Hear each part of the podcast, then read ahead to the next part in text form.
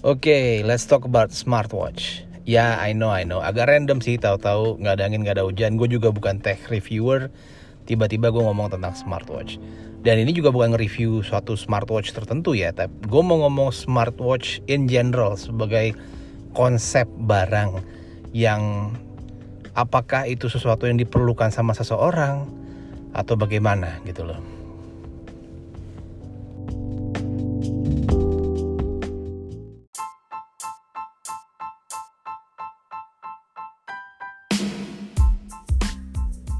Sebelum gue ngelantur lebih jauh tentang smartwatch, mungkin gue mau cerita dulu tentang pengalaman gue sama jam tangan.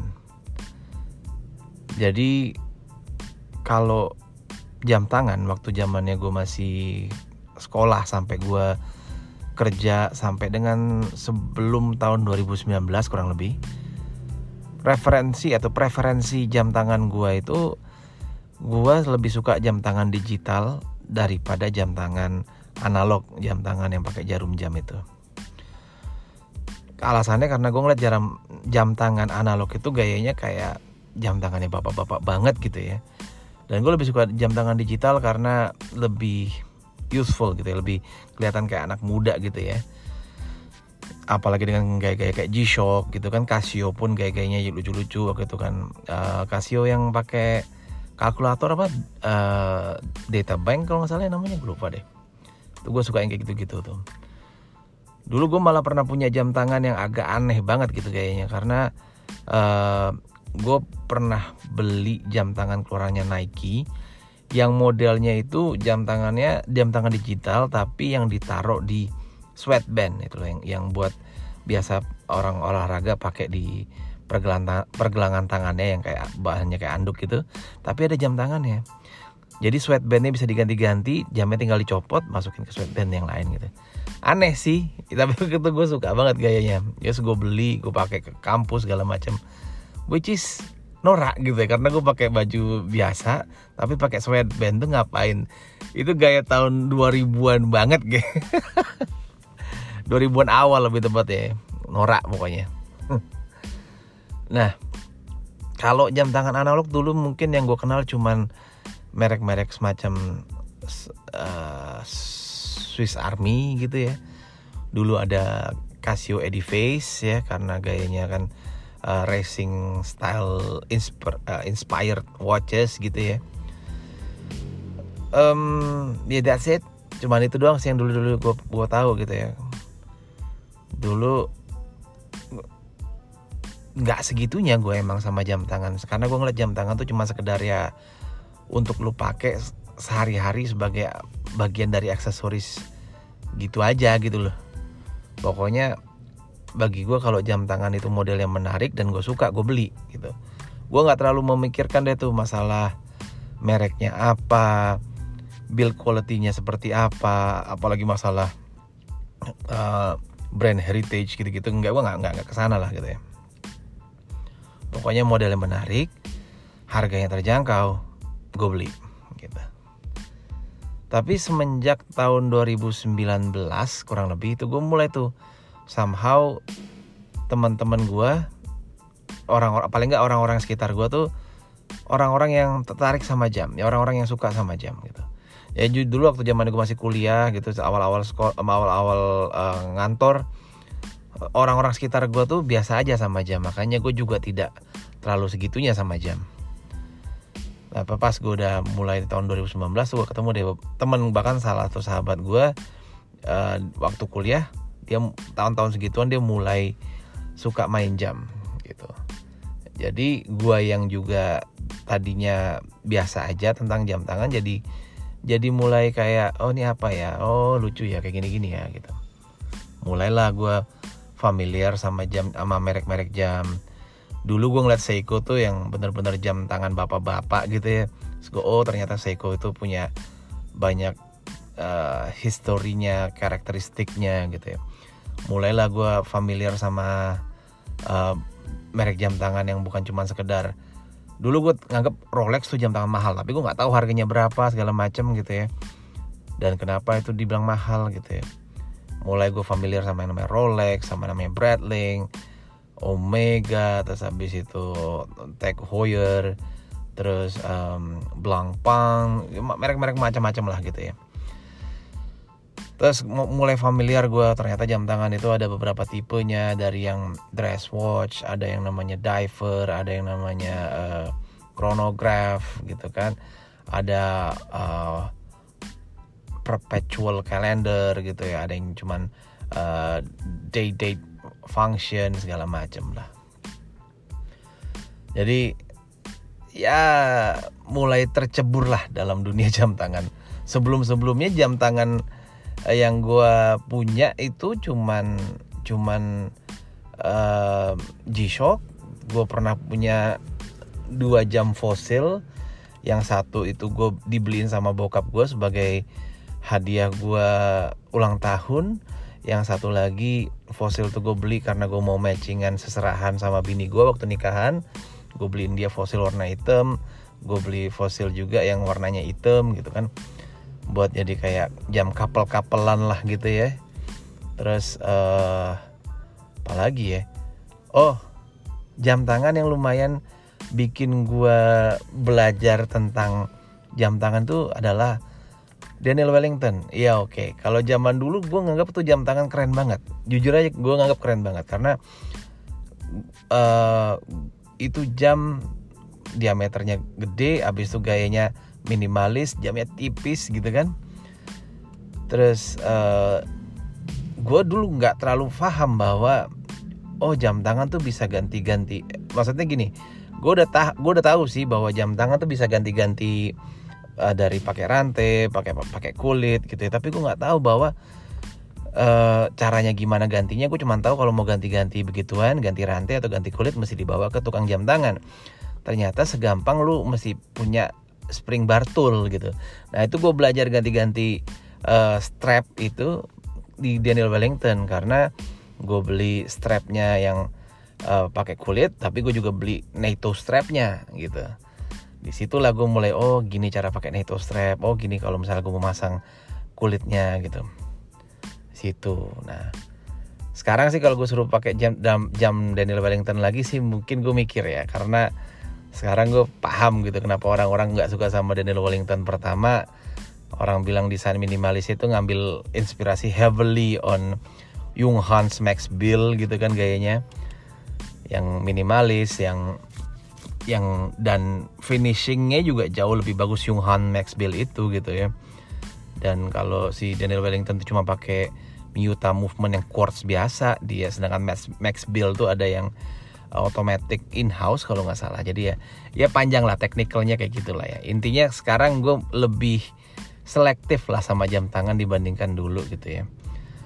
Tapi sekarang sih jam tangan gue juga kalau dibilang gue kolektor jam tangan nggak juga ya gue koleksi jam tangan gue nggak nyampe ya mungkin jauh lebih ah bukan jauh lebih banyak dibandingkan orang-orang pada umumnya yang biasanya orang pada umumnya itu punya satu maksimal tiga jam tangan deh. Ada jam tangan yang mereka pakai buat ngantor satu katakan ya. Ada jam tangan yang mereka pakai buat nyantai sama satu lagi buat ya alternatif lah biar nggak cuma dua doang gitu ya. Itu standarnya biasanya orang kalau yang nggak terlalu nggak terlalu mau repot sama jam tangan. Gue sekarang punya hmm, kurang lebih 7 atau 8 lah ya jam tangan di tempat gue sekarang yang gue, gue punya. Jadi ya lebih banyak daripada orang-orang pada umumnya. Tapi ini nggak seberapa gitu loh. Kalau kolektor jam tangan bagi gue tuh koleksinya tuh minimal belas-belasan gitu ya.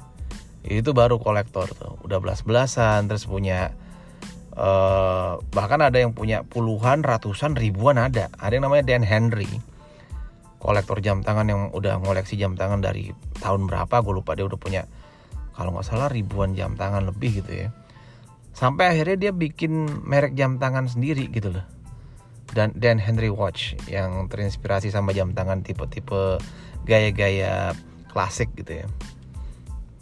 Terus uh, ya kalau gue sih nggak seberapa cuman segitu doang koleksinya. Udah gitu harga jam tangan yang gue punya saat ini yang paling mahal tuh cuman Swatch yang Moon Swatch yang dia kolaborasi sama Omega itu yang Mission to uh, Mars. Itu aja yang gue punya. Dan itu gue beli jam tangan dengan harga yang saat ini yang gue punya dengan harga yang paling mahal yaitu 4,2 juta rupiah. Karena gue belinya waktu itu kebetulan langsung ke uh, toko Swatchnya yang di Indonesia. Waktu itu gue beli di Swatch uh, Senayan City. Dapat harga retail benar-benar harga retail bukan dapat dari uh, seller-seller jam tangan yang udah biasa nge-upping entah 500 ribu atau mungkin satu juta gitu. Enggak nih gue ngambilnya benar dapat dari tokonya langsung. Terus jam tangan otomatis yang gue punya cuman saat ini cuman Seiko doang Seiko helmet tahun 71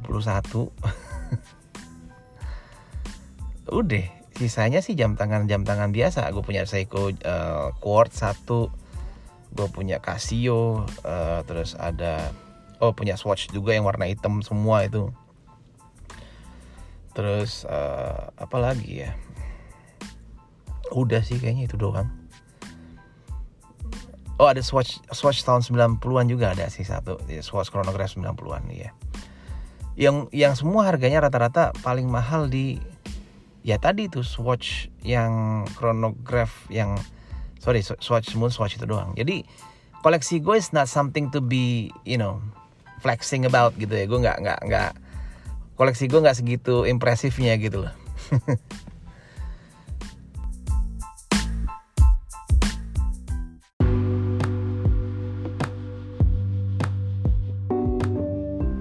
Kalau gue dari dulu memang sudah tertarik sama yang namanya smartwatch. Tertarik itu karena ya mungkin sama lah kayak anak-anak generasi 90-an seumuran gue itu yang kita sering banget ngelihat di film maupun di serial TV jagoan-jagoan yang kita tonton itu punya jam dengan fungsi yang keren banget gitu ya. Bisa komunikasi habis itu kadang-kadang keluar gambar dan bisa lihat video di situnya. Ya kayak Night Rider Michael komunikasi sama Kid pakai jam terus uh, si siapa namanya? Mighty Morphin Power Ranger komunikasi sama Zordon dan Alpha Alpha pakai jam gitu kan. James Bond jamnya itu kan selalu ada aja gadget di baliknya itu. Jadi kayaknya pingin punya jam tangan yang bukan cuma sekedar bisa menunjukkan jam dan tanggal dan hari aja itu kayaknya impian dari anak-anak tahun 90-an umuran gue deh. Selain dari itu gue juga orang yang pingin banget punya smartwatch. Itu karena dulu waktu tahun 2009 2010 gue agak lupa lah ya zamannya gue masih kuliah itu gue pernah punya barang elektronik yang menurut gue pada saat itu keren banget. Gue pernah punya iPod Nano yang generasi ke-6. iPod Nano generasi ke-6. Jadi gini, um, mungkin ada yang nggak ngerti atau mungkin lupa apa sih itu iPod. iPod tuh basically MP3 player atau music playernya, bukan MP3 sih ya. Sorry, music playernya Apple. Jadi Apple dulu sempat ngeluarin music player namanya iPod yang berhasil memporak-porandakan music playernya Microsoft gitu. Zune, ya, itu lu lebih lebih nggak familiar lagi kan lo. Kalau misalnya lu nggak kenal iPod, lu pasti udah nggak kenal uh, Zune lah. Anyway, iPod ini ada beberapa variasinya selama beberapa tahun gitu loh ya. Dari yang original iPod, terus kemudian original iPod tuh cuman uh, ada layar LCD yang untuk pilihan song mau itu uh, artis uh, album gitu kan atau songnya gitu playlist dan lagi itulah terus kemudian keluar iPod video di mana iPod video bisa memain, memainkan ya video gitu kan. Terus iPod ada iPod uh, touch iPod Touch itu generasi-generasi terakhirnya basically itu adalah iPhone tanpa fungsi telepon karena lu bisa ngedownload aplikasi berbagai macam aplikasi kayak game-game segala macam itu di iPod Touch itu di lewat App Store gitu. Nah, saat, salah satu versi dari iPod itu adalah iPod Nano. iPod Nano itu dijual dengan gayanya yang kecil. Ada generasi-generasi, gue lupa ada beberapa beberapa tipe sih iPod Nano tuh. Ada yang kayak USB stick kecil gitu dengan tombol play. Ada yang cuman kayak kotak kecil, tapi di tengahnya cuma ada play pause, ada next sama previous button doang gitu. Nah, salah satu dari generasi iPod Nano itu adalah yang khususnya di iPod Nano generasi ke-6 gayanya dia itu kayak uh, bentuk kotak tengahnya ada LCD-nya dan LCD-nya itu me, lu bisa milih beberapa icon di situ. Ada icon music habis itu ada icon clock juga di situ ya. Dan ada beberapa icon lainnya lah gua agak lupa. Waktu iPod Nano itu diperkenalkan di Apple Conference dan waktu itu masih ada Steve Jobs ya. Steve Jobs sempat bercanda, "Oh, iPod Nano ini karena bentuknya kecil gitu, ini iPod Nano ini kalau gue masukin clock nih bisa jadi jam tangan nih ya gitu." Terus tapi Apple tidak mengeluarkan produk uh, tambahan atau aksesoris untuk mengubah iPod Nano generasi ke-6 itu untuk jadi jam tangan tapi malah banyak perusahaan-perusahaan lain yang pembuat aksesoris yang bikin kayak aksesoris tambahan untuk iPod Nano generasi 6 itu untuk jadi jam tangan. Nah, gue pernah punya tuh iPod uh, Nano generasi ke-6 dan gue beli aksesoris yang bikin iPod Nano itu jadi jam tangan gitu. Itu gue pakai ya lumayan sering banget itu gue pakai itu gue karena kelihatannya kan jadi keren karena lu ada jam tangan tapi di, di jam tangan lu bisa pakai bisa play music segala macam gitu. Cuman yang bikin Nora adalah pada saat itu tahun 2011 2000 eh 2010 2009 itu yang namanya earphone itu belum ada yang kayak sekarang true wireless earphone segala macam. Bluetooth teknologi nggak sebagus itu dulu gitu. Kalau lu dengerin bluetooth music via bluetooth pasti ngeleknya jauh banget dan kalaupun ada bluetooth headphone atau headset gitu ya pasti harganya mahal banget. Sehingga waktu itu gue dengerin iPod Nano pakai um, ear earphone bawaan dari iPod Nano itu yang earphone khasnya Apple yang warna putih itu. Jadi walaupun gue bikin iPod Nano itu pakai jadi jadi kayak jam tapi di jam itu ada nyolok earphone-nya apa earphone-nya Apple yang putih itu. Nah biar dia nggak kabelnya juntai ke mana-mana biasanya gue masukin kabel earphone-nya itu ke dalam baju gue dan dari leher gitu keluar di lengan sebelah kiri gue karena biasa gue pakai jamnya di sebelah kiri gitu. Agak aneh sih jujur aja. Cuman pada saat itu gue ngerasa gue kayak keren banget orang juga banyak ngeliatin. Gue gak ngerti apakah mereka ngeliatin kayak apaan tuh? Kok keren gitu? Ada jam tangannya bisa ada uh, musiknya. Mungkin gitu salah satu yang mereka pikirin. Atau mungkin juga mereka mikir ah, apa lagi katro banget tuh orang? Nggak ngerti deh. Intinya gue sangat pingin punya yang namanya jam tangan tapi bukan cuman jam tangan biasa gitu loh. Sehingga 2000 berapa tuh? 2015 atau 2016 itu gue gak lupa. Itu gue pada saat itu gue pakai HP Samsung Galaxy S7 terus gue beli smartwatch untuk pertama kalinya yaitu Samsung Galaxy Gear 2 kalau gue nggak salah ya. Dan ya gue bener-bener suka make Samsung Galaxy Gear itu ya. Gue bisa apa namanya punya smartwatch yang bisa ngukur uh, aktivitas fisik gue ya detak jantung segala macam terus bisa mainin musik yang ada di HP gue gitu kan. Terus bisa terima notifikasi entah itu dari SMS, WA, email itu bisa keterima notifikasinya di HP gue bahkan eh bisa keterima notifikasinya di smartwatch gue bahkan gue bisa ngebaca message-nya itu ya. Kalau cuma simple message bisa gue lupa deh apakah bisa baca email atau enggak. Cuman pokoknya kalau dalam bentuk simple message masih bisa kebaca gitu. Termasuk ngebales message itu gitu ya. Kayak quick reply kayak oke okay, on my way gitu kan can I call you later gitu-gitu bisa dari uh, smartwatch gue atau ngirim emoji senyum gitu atau ketawa atau dari uh, apa namanya dari smartwatch gue tuh bener-bener menurut gue lumayan meningkatkan produktivitas gue karena akhirnya gue jadi nggak sering-sering liat HP ditambah lagi gue tuh tipe orang yang biasa suka naruh HP di tas atau mungkin di mana gitu ya.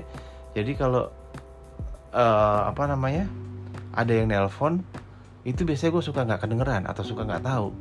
Nah tapi semenjak gue pakai smartwatch itu kalau ada notifikasi kan langsung geter di tangan gue tuh.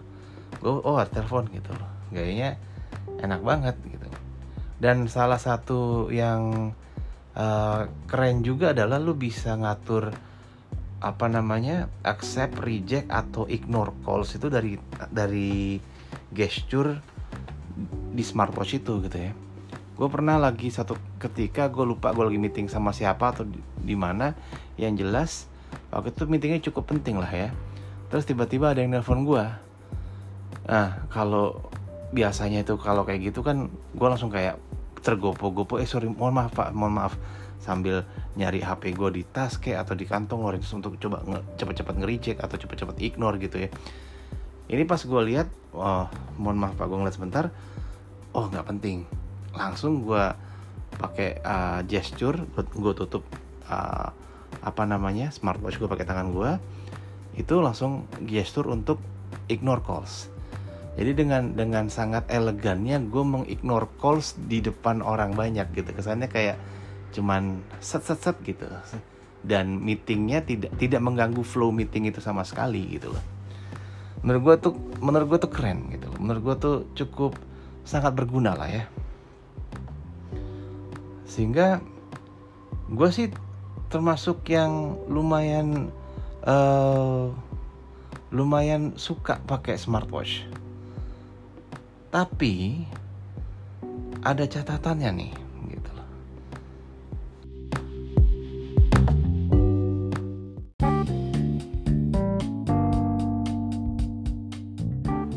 Jadi walaupun gue suka sama fitur-fitur yang gue dapet dari Samsung Galaxy Gear S2 itu dan kemudahan kemudahan yang gue dapet dari memakai Samsung Galaxy Gear S2, tapi gue make itu smartwatch nggak nggak lama, paling cuma setahun, makan mungkin kurang gue lupa deh, kayak cuma setahun lah maksimal. Alasan kenapa gue make itu cuma setahun karena yang pertama gue nganggep pakai smartwatch itu nggak apa ya nggak convenient sangat tidak praktis. Karena lu mesti ngecas itu jam setiap malam gitu loh. Dan itu kayak aneh aja buat gue kayak kita ambil benchmarkingnya aja deh sampai dengan tahun 2023 ini. Yang sekarang nih smartwatch yang paling terkenal yang paling hits di 2023 ini kan Apple Watch 8 Apple Watch seri 8 sama Apple Watch Ultra kan. Apple Watch seri, seri 8 itu battery life-nya 18 jam. Yang artinya kalau lu make dan lu nyalain uh, Apple Watch seri 8 lu jam 6 pagi, jam 10 malam kurang lebih lu udah mesti harus ngecas lagi karena tuh kemungkinan udah, udah habis baterainya bahkan bahkan bisa lebih cepat kalau emang lu le lebih sering make uh, atau ngotak-ngatik smartwatch lu gitu. Nah kalau Samsung eh sorry Samsung lagi kalau si Apple Watch seri Ultra memang battery life-nya lebih tahan lama yaitu 30 jam kalau gue nggak salah. Yang artinya itu berarti satu hari setengah ya kan? 36 jam iya satu hari setengah. Satu hari 24 jam jadi 36 jam adalah satu hari setengah. Artinya kalau lu make atau nyalain uh, sam, uh, Apple Watch seri Ultra lu itu di jam 6 pagi besok jam 6 sore lu mesti ngecas lagi. Tapi kan ya kali gitu lu timing kayak gitu. Biasanya orang artinya berarti setiap setiap malam lu harus tetap ngecas baterai baterai lu supaya itu jam masih bisa lu pakai seharian gitu kan? Mungkin bagi orang-orang yang sudah biasa pakai smartwatch ritual ngecas uh, apa namanya jam tangan itu udah kayak ritual yang biasa gitu ya. Sama kayak orang sekarang kayaknya gue lihat udah nggak ada yang komplain lagi deh soal uh, baterai itu harus dicas setiap malam ya kan? Atau mungkin bahkan dicas bisa dua kali sehari. Kalau kita ingat zaman dulu HP sebelum HP itu jadi smartphone gitu ya HP itu cuma bener-bener buat terima telepon sama SMS itu apa battery life-nya HP itu bisa dua hari tiga hari gitu ya tergantung dari HP-nya sih ya. artinya lu bisa nggak ngecas HP lu selama beberapa hari gitu. Dan ketika HP sudah jadi smartwatch eh HP sudah jadi smartphone lu paling nggak harus ngecas satu kali sehari gitu. Dan orang udah kayak udah nggak komplain gitu loh. Dan gua rasa juga mulai banyak orang-orang yang pakai smartwatch yang kayak udah nggak eh, udah udah jadi ritual gua gitu loh gue nyampe rumah gue ngecas uh, eh, HP gue ngecas uh, jam tangan smartwatch gue plus uh, earphone gue gitu ya. Tapi bagi gue tuh kayak masih aduh apaan sih? gitu loh.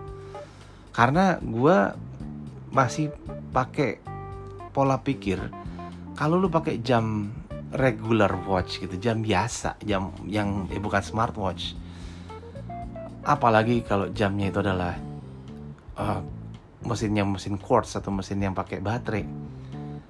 Lu satu kali ganti baterai itu durasinya bisa lebih dari satu tahun. Jadi lu ganti baterai itu paling cepat itu setahun sekali. Dan itu biasa setahun sekali berarti baterainya ada yang bocor tuh. Biasanya sampai dua tahun lebih tuh. Dan ganti baterainya itu makan waktu nggak lebih dari setengah jam. Lu kalau lu bisa bongkar uh, case back hub jam lu sendiri sih lebih enak lagi ya karena lu nggak usah bawa jam lu ke tukang uh, servis jam gitu ya atau ke, uh, ke toko jam gitu ya. Tapi pun kalau lu ke toko jam yang which is itu juga bukan satu hal yang uh, ngerepotin ngerepotin amat ya karena lu ngelakuinnya itu mungkin sekali setiap dua tahun gitu ya. Itu cuma butuh waktu kurang lebih setengah jam kurang untuk kemudian lu nggak lakuin ritual itu lagi untuk dua tahun ke depan lebih gitu loh. Ya kan? Apalagi kalau lu pakai jam otomatis misalnya. Automatic watch misalnya lu punya kayak anggap aja Tissot PRX Powermatic 80 yang artinya dia punya power reserve 80 jam. Buat lo yang mungkin uh, kurang terlalu familiar sama uh, apa namanya terminologi atau istilah-istilah di jam, automatic watches itu artinya jam tangan yang gampangnya ya itu mendapatkan energinya bukan dari baterai tapi dari pergerakan tangan lu ketika lu make jam tangan itu. Jadi di dalam jam tangan itu ada kayak rotor yang berputar ngikutin gerakan tangan lu pas lu lagi aktivitas entah lu lagi jalan entah lu lagi uh, nulis lagi apa segala macam pokoknya lu kan kalau seharian beraktivitas tangan lu gerak tuh kan gitu. Nah itu rotor itu ikut jadi bergerak ketika lu beraktivitas.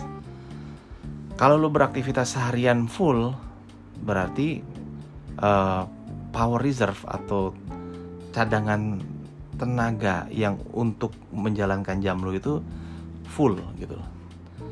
dan kalau lu pakai power apa uh, Tissot PRX Powermatic 80 power reserve-nya itu 80 jam artinya lu bisa itu power reserve misalnya lu pakai jam dari hari Senin sampai hari sampai hari Jumat terus tuh jam lu taruh aja gitu lu nggak pakai di hari uh, Sabtu dan Minggu. Pas hari Senin lu pakai itu jam masih bergerak masih jalan. Gitu. karena dia masih ada cadangan tenaga atau power reserve 80 jam. 80 jam tuh berarti kan lebih dari tiga hari itu kan. Gitu. kayak gitu. Atau kita ambil lah jam tangan apa jam tangan dengan kayak Seiko lah yang power reserve-nya tuh 40 jam 40 jam berarti kan kurang lebih uh, satu hari hampir dua hari artinya kalau lu make jam itu hari ini terus besok tuh jam nggak dipakai lu selalu make jam itu lagi masih jalan tuh jam gitu.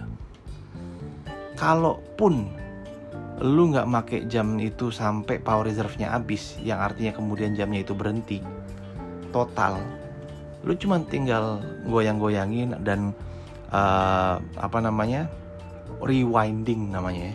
nge-winding uh, jam tangan lu itu dan proses winding jam tangan itu nggak nyampe lebih dari 15 menit lah winding dan setting jam tangannya lagi itu nggak nyampe lebih dari 15 menit gitu. dan itu itu sangat convenient coba kita bandingin sama ngecas HP lo eh ngecas smartwatch lo lo ngecas smartwatch lo kalau gue lihat di baca-baca referensi smartwatch uh, kayak Apple Watch series 8 atau Apple Watch Ultra itu ngecas dari 0 sampai 80% itu butuh waktu 45 menit. Tapi itu standar ya, emang kita semua tahu kalau bahwa ngecas ngecas 0 sampai 80 itu cenderung relatif cepat. Nggak nyampe sejam biasanya, cuma setengah jam lebih gitu. Kayak itu 45 menit. Tapi kalau 0 sampai 100 itu butuh 75 menit. Artinya lu butuh sejam 15 menit katakan nih lu lu, pagi-pagi mau pakai jam tangan lu terus lu lupa ngecas tadi malam udah gitu lu berarti di kantor mesti ngecas paling nggak sejam ya kan artinya apa artinya lu mesti entah itu lu mesti punya charger jam tangan itu di kantor karena kalau nggak lu bawa bawa charger jam tangan mulu dong ya kan? Nambah nambahin bawa nambahin nambah nambahin barang bawaan doang dong gitu. Kalau nggak ya lu sekalian nggak bawa nggak pakai smartwatch itu karena lu lupa ngecas tadi malam.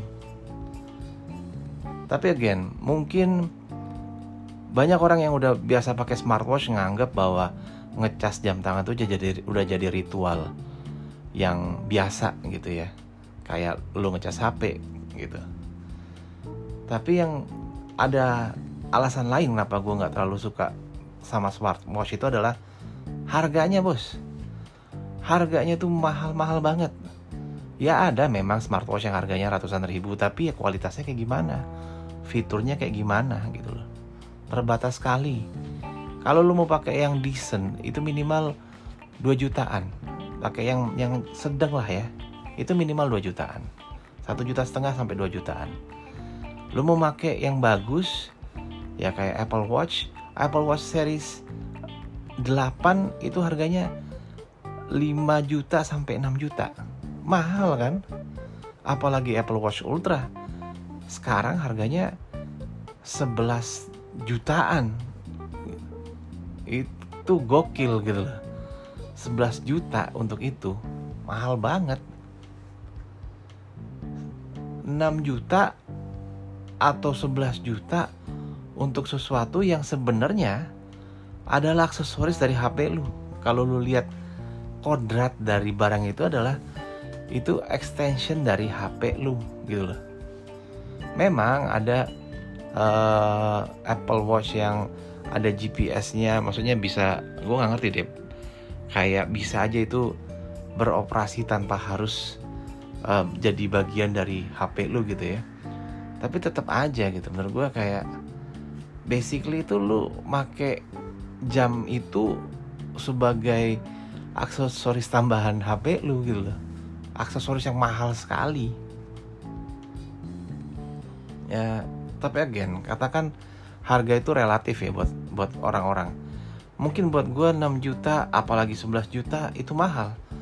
Tapi buat orang lain 6 juta atau 11 juta tuh cuman ya bisa lah gitu diusahakan lah gitu. Jadi ya oke okay lah.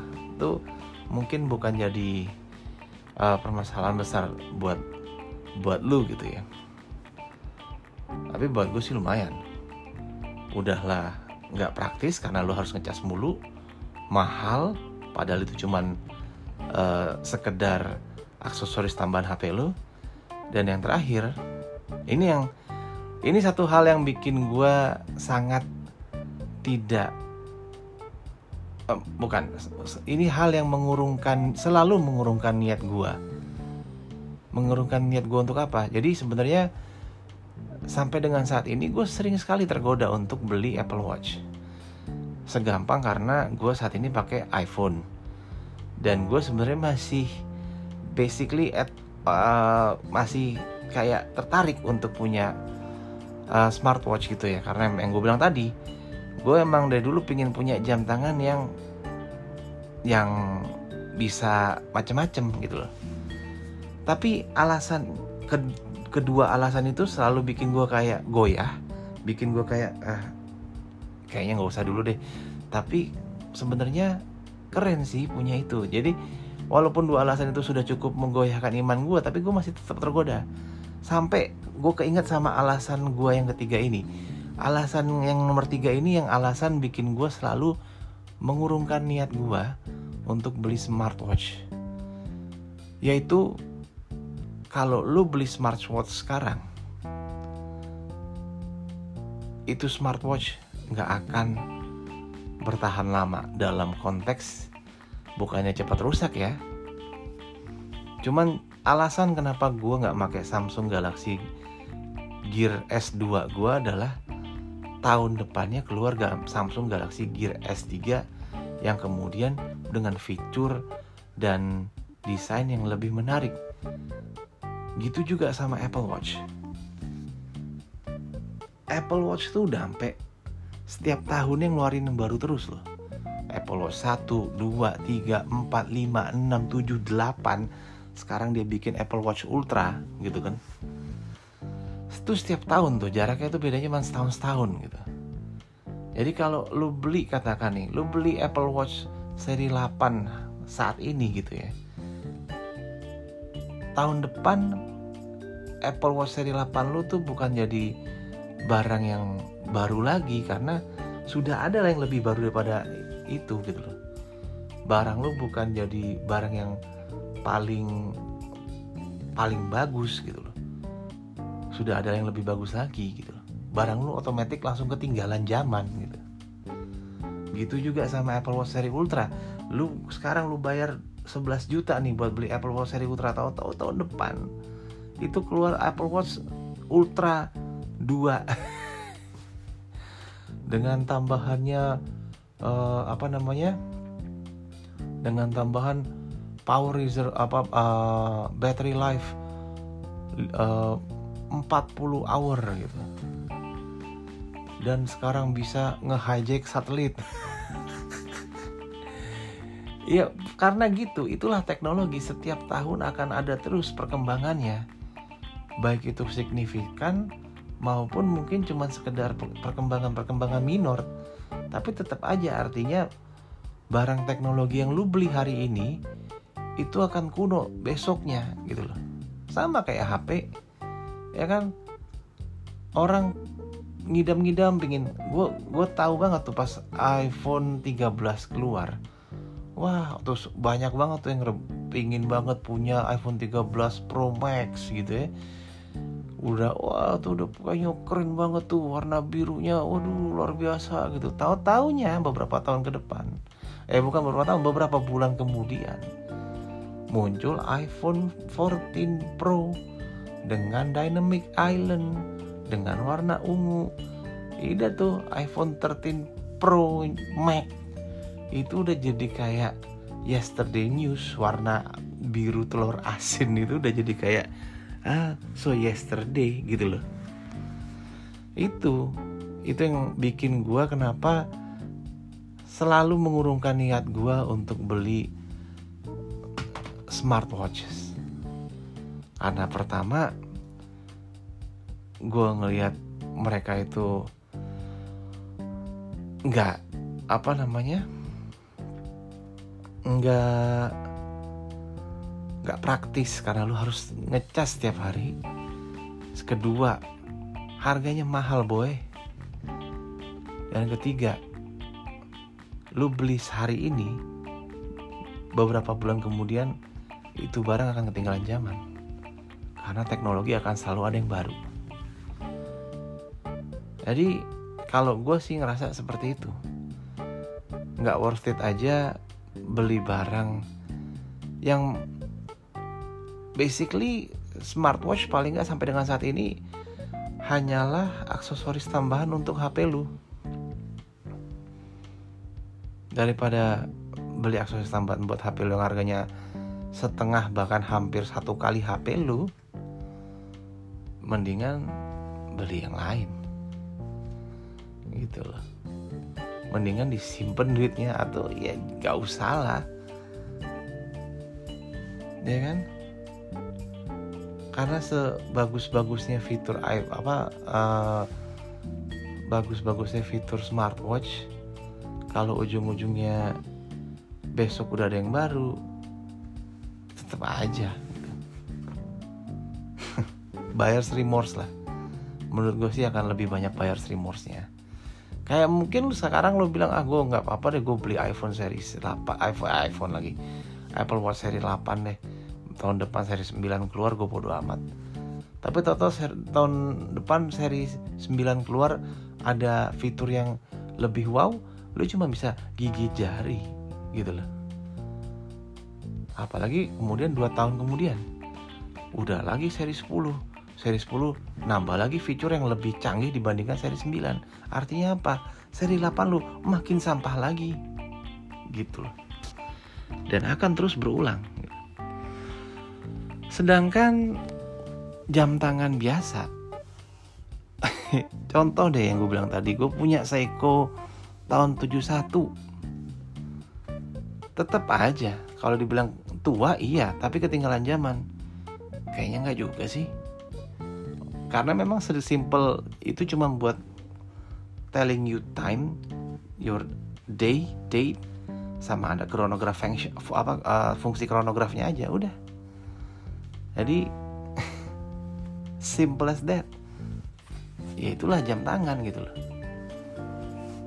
Selama masih bisa dipakai sudah berapa tahun? Berarti 71 sampai sekarang tuh udah ada 53 tahun berarti ya kurang lebih ya. Iya 53 tahun. Eh sorry kok 53 sih? Iya 53 ya. Iya 71 kan Iya 53 Sudah 53 tahun. Artinya selama 53 tahun Walaupun umurnya 53 tahun Tapi selama dia masih berfungsi Masih bisa menunjukkan jam masih bisa menunjukkan hari dan tanggal kronografnya masih berjalan seperti yang saat ini kondisinya ada di jam gue ya berarti itu masih bisa dipakai. Simple itu gitu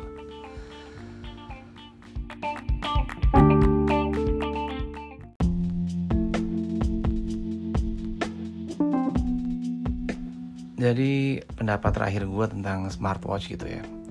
Apakah seseorang itu perlu untuk beli smartwatch? Menurut gue sih jujur aja sebenarnya nggak perlu. Apalagi kalau melihat ya tiga fak tiga hal yang bikin gue jadi nggak pingin beli smartwatch itu ya. Nggak nggak praktis mahal dan akan selalu ada teknologi baru yang akan membuat smartwatch lu kelihatan kuno dalam waktu satu tahun gitu ya. Nggak perlu lu beli smartwatch sebenarnya gitu. Karena basically ya itu smartwatch itu cuman aksesoris untuk HP lu gitu. Daripada lu beli smartwatch harga 6 juta atau 11 juta dan lu pingin punya nih aksesoris yang keren ya lu beli jam tangan aja yang bagus 6 juta tuh udah lebih dari cukup untuk punya jam tangan yang bagus. Apalagi 11 juta. Contoh yang kayak gue bilang tadi tuh. Tissot PRX PRX Powermatic 80 itu 11 juta dapat itu dia. Dan gayanya keren banget. Lu pakai itu orang pasti akan notice gitu. Atau lu belilah misalnya 12 juta itu dapat lah uh, Seiko Prospect yang gayanya kayak 62 mass reissue 62 MAS reissue. Itu keren banget gaya jam tangannya orang ngeliat itu kayak ush cakep nih gitu. bahkan dengan angka di bawah 6 juta gitu ya. Lu misalnya bawa pakai harga cuma 3 jutaan lu bisa beli Seiko 5 Sport uh, yang SK SKS ya yang yang baru-baru tuh keren-keren kayaknya. 11 juta lu bisa beli tuh Hamilton uh, kaki mekanik yang gayanya field watch banget yang keren banget gitu gayanya sangat berkarakteristik gitu loh jadi daripada cuman untuk beli jam tangan biar kelihatan keren smartwatch tuh menurut gue sih nggak keren-keren amat sekarang gitu ya. Ya again tapi itu sih selera orang sih gitu. Gue akan lebih lebih terkesima ngeliat orang pakai G-Shock dibandingkan pakai smartwatch gitu ya. Karena bahkan pakai Casio yang lama-lama gitu kayak Casio Data Bank gitu. Atau pakai uh, sekarang kan lagi zaman lagi tuh orang-orang pakai swatch watch vintage swatch watch gaya-gaya tahun 90-an tuh gara-gara Sadie Sink pakai swatch di Stranger Things itu menurut gue akan lebih keren lo pakai kayak gitu dibandingkan pakai kayak Apple Watch. Ya again itu cuman menurut gua thank you for listening. This is Ryan signing out